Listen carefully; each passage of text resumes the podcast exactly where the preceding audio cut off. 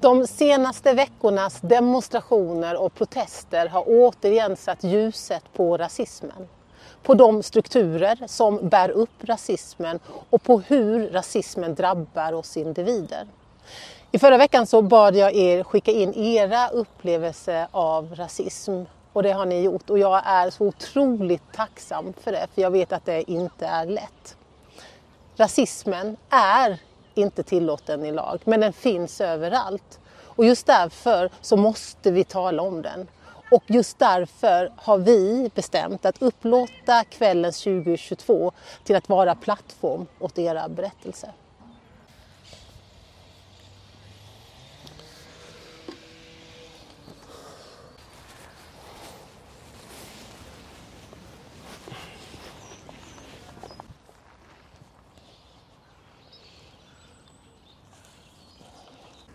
Rasism och vardagsrasism är något jag fått uppleva hela mitt liv, från och till i olika former.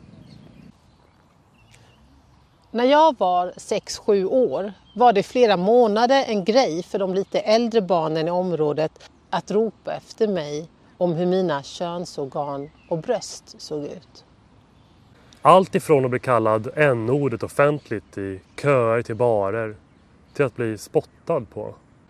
De ville veta om de var mörka, antar jag.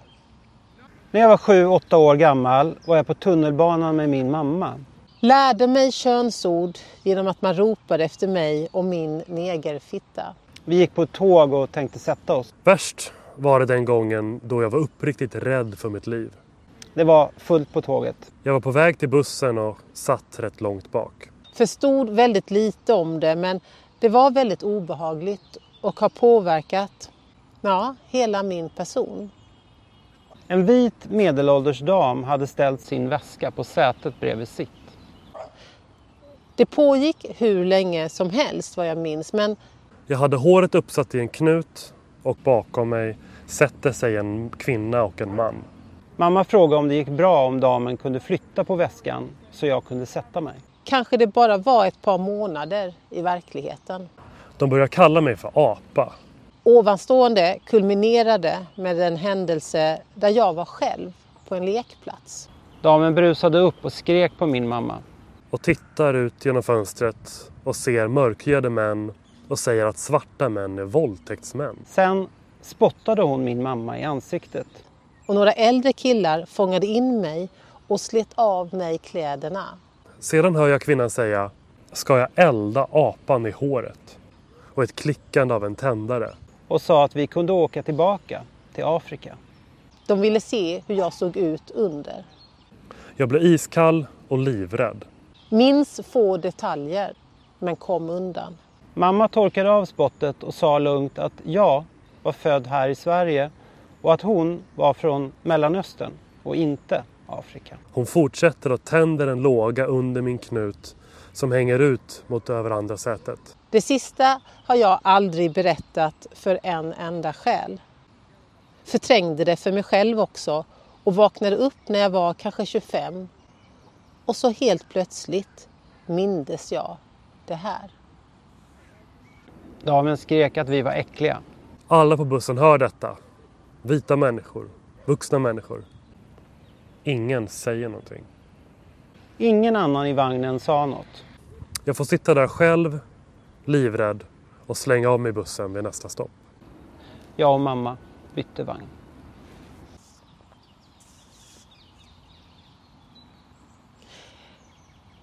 Jag träffade en man som var ute och gick med sina hundar.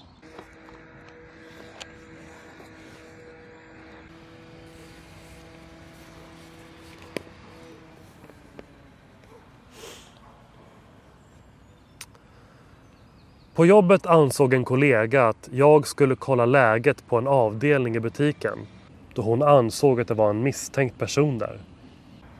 När jag var gravid och barnmorskan fick reda på att min pappa var från Gambia säger hon Hundarna kom fram mot mig och det gjorde han med. Så jag hälsade mot hundarna och sa till honom Vilka fina hundar du har. då måste vi ta ett hiv-test. Jag fick gå och kolla vem hon menade då jag inte såg någon misstänkt. Afrikaner brukar bära på smittor.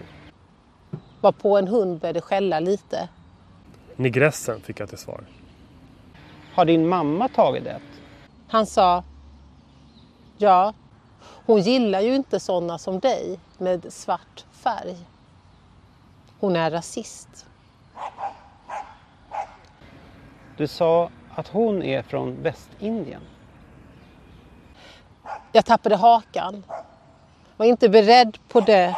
Vände mig om och började gå snabbt därifrån eftersom vi var helt ensamma på den gatan.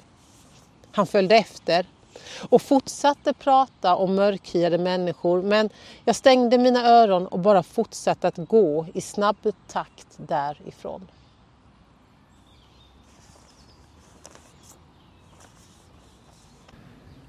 När jag som flicka står och väntar på bussen och förbi åker en bil full med rakade män. När min pojkvän vid 17 års ålder berättar om sin farmors reaktion när hon sett en bild på mig. Studievägledaren på gymnasiet. Jag ville plugga psykologi utomlands. Hon sa De tutar och gör sig heil. Att han borde skaffa en fin svensk flicka med bra gener. Den satt i länge. Att jag som 11-12-åring redan vet vilka dessa var och varför de gjorde så. Sådana som ni ska inte plugga sånt för det har ni inte råd med. Ligger i bakhuvudet och skvalpar sen. Vet de att jag är mörk. Att du tyckte så illa om mig för att jag var svart var otäckt. Varje gång jag ska träffa partners föräldrar, arbetsintervjuer, vänta på en ny läkare i väntrummet, nytt folk överlag. Du vill väl inte skuldsätta dina föräldrar som har flytt hit? Vad kommer de tro? Säga? Reagera?